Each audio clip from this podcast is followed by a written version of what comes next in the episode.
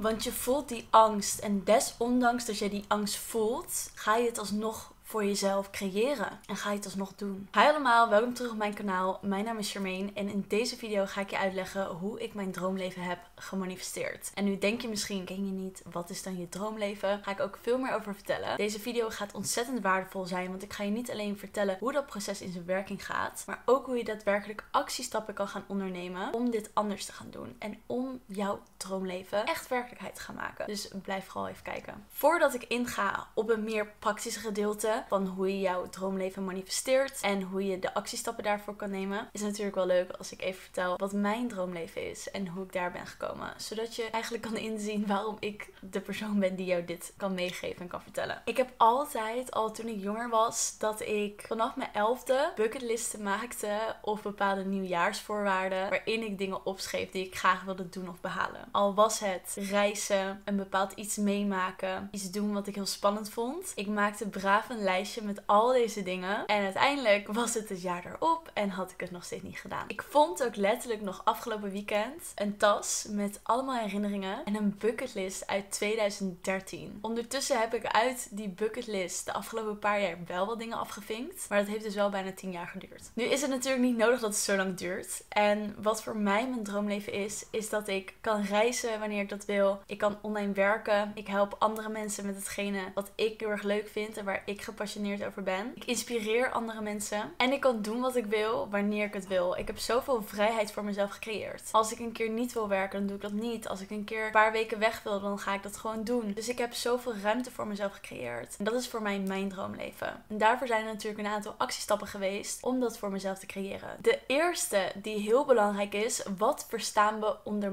manifesteren? Ik moet zeggen dat überhaupt het woord manifesteren is niet helemaal mijn ding. Want ik merk dat wanneer mensen zich daarop focussen, op de law of attraction, de wet van aantrekkingskracht en manifesteren, dat het iets niet tastbaars is. Omdat mensen vaak denken: ik hoef alleen maar te visualiseren. Ik hoef alleen maar te mediteren of te journalen. En dat is al voldoende. Maar daar gaat het niet om. Voor mij gaat het dus niet eens over dat je iets manifesteert door er maar aan te denken. Manifesteren betekent voor mij dat jij in het energieveld, alles bestaat uit energie. Jij bestaat uit energie. Ik besta eruit. Deze fles bestaat eruit. Echt alles. Er zijn namelijk atoomdeeltjes die ervoor zorgen dat het iets fysieks wordt. Dus als we het hebben over manifesteren, dan gaat het voor mij er meer om dat in het energieveld je iets creëert door je gedachten. En dat doe je dus door te visualiseren, te mediteren, te journalen. Maar dat is het niet. Dat is niet het enige wat je moet doen. Want dan is het iets in het energieveld. Maar hoe krijg je het dan hier? In het fysieke, in het 3D. Dus wat ik versta onder manifesteren is niet alleen het creëren in het energieveld, maar het ook fysiek maken in de 3D-wereld. In het,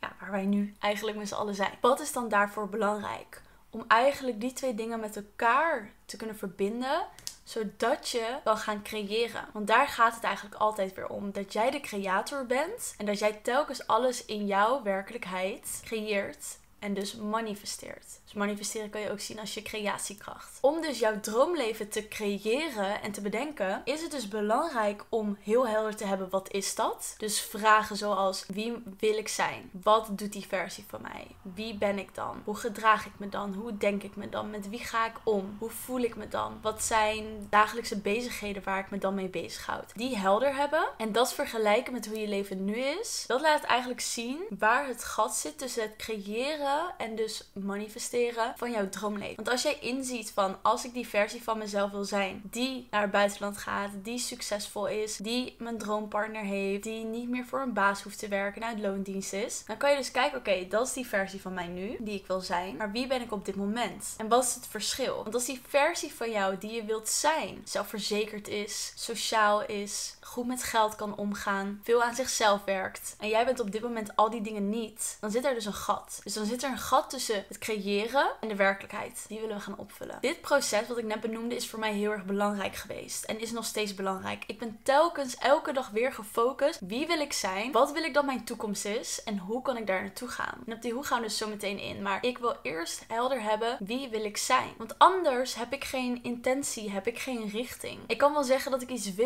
Maar als ik niet specifiek ben wat ik dan wil, hoe wil ik het dan gaan krijgen? Dat is hetzelfde als ik tegen jou zeg: mag ik een boterham? En jij vraagt mij: oké, maar wat wil je op je boterham? Kaas, hagelslag? Nee, maar ik wil gewoon een boterham. Ja, maar wil je gewoon een boterham? Wil je ook iets op je boterham? Nee, je weet wel, gewoon een boterham werkt niet. Dus als jij iets wil creëren of manifesteren, wees specifiek. Dus niet ik wil financiële vrijheid. Wat wil je dan? Hoe ziet dat eruit? Wat is voor jou financiële vrijheid? Hoeveel geld heb je dan per maand? Hoeveel geld heb je op een dag? Kan je dan elke dag uit eten gaan? Kan je zomaar op reis gaan? Of wil je dat hebben zodat je droomhuis kan kopen? Wat is dat dan voor jou? Dus wees specifiek. Want als je niet specifiek bent, dan kan je het ook niet krijgen. Dan krijg je dus een boterham. Maar ja, misschien was het niet je boterham, want eigenlijk wilde ik een boterham met haagslag en nu krijg ik die met kaas. Snap je? Dus het is echt belangrijk dat je dat gewoon heel erg helder hebt. Dus wie ben ik nu? Wie wil ik zijn? En wat zit er tussen nog in wat ervoor zorgt dat ik daar nog niet ben? Twee is actiestappen ondernemen. Het is echt belangrijk dat wanneer je dit dus helder hebt, dus je weet van oké, dit ben ik nu, dit wil ik zijn, dat je actiestappen gaat ondernemen. Wat valt onder actiestappen ondernemen? Ik zie dat mensen vaak in angst leven. Dat zij eerder luisteren naar hun angst en denken dat zij hun angst zijn, in plaats van dat ze zien als een raadgever.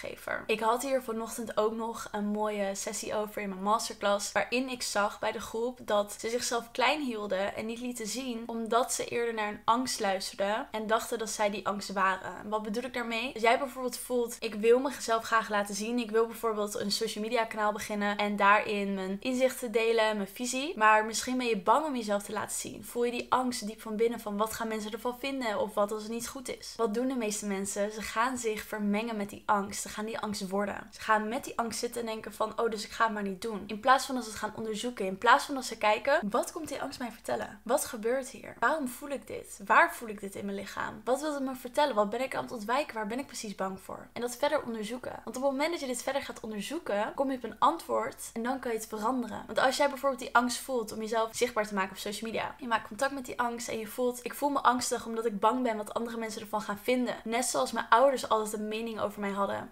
En ik het nooit goed genoeg kon doen. Dus daarin zie je dat het komt dus uit een stuk pijn van vroeger. Je werd niet gezien, je werd niet gehoord, je voelde niet goed genoeg. Je was bang om jezelf te laten zien, dus je voelt die angst weer. En dan gaat het dus over dat je dat stuk van jezelf gaat oplossen. En gaat helen, zodat je het anders kan gaan doen. Dus telkens is dit een weg naar wat mag er gezien worden, wat mag er gevoeld worden, wat mag er ervaren worden. Dus als het gaat over actiestappen ondernemen om jouw droomleven te creëren, is het dus echt belangrijk dat je gaat inzien wat is er voor nodig om aangekeken te worden en doorheen te gaan, zodat ik die versie van mezelf kan worden die zijn of haar droomleven al heeft. Nog een belangrijke die hierbij echt kan helpen is luisteren naar je intuïtie. Leren luisteren naar je intuïtie, leren voelen. Er zijn namelijk momenten, ik noem het synchroniteiten, dat er een aantal dingen gebeuren in je leven die je ergens naartoe proberen te brengen. Maar op het moment dat jij iemand bent die zo erg in je hoofd zit en niet luistert naar je intuïtie, dan zul je dat mis gaan lopen. Dat kan zijn dat jij een intuïtief gevoel krijgt om een oude vriend of vriendin te bellen. Of dat je een intuïtief gevoel hebt dat je naar links gaat in plaats van rechts. Maar je gaat altijd naar rechts. Dus waarom zou je naar links gaan? Wat gebeurt er bij de meeste mensen? Hun hoofd komt ertussen. Je gaat er wat van vinden. Ja, maar ik ga toch niet die oude vriend of vriendin bellen? Dat is raar. Ja, maar ik ga toch niet naar links? Ik ga altijd naar rechts. Maar intuïtief voel je aan dat je die kant op mag gaan. Dus doe dat dan ook. Want wat gebeurt er vaak op dat moment? Jij wilt bijvoorbeeld een bedrijf starten, maar je hebt nog geen idee voor een bedrijf. jij krijgt het intuïtieve gevoel. Laat ik een vriendin van mij bellen. Een oude vriendin. Dus jij belt gewoon en je zegt: Hey, ik belde gewoon zomaar. Hoe is het? En je hebt een super mooi gesprek. En die vriendin van jou zegt: Trouwens, ik ben bezig met een uh, nieuw concept uh, als het gaat over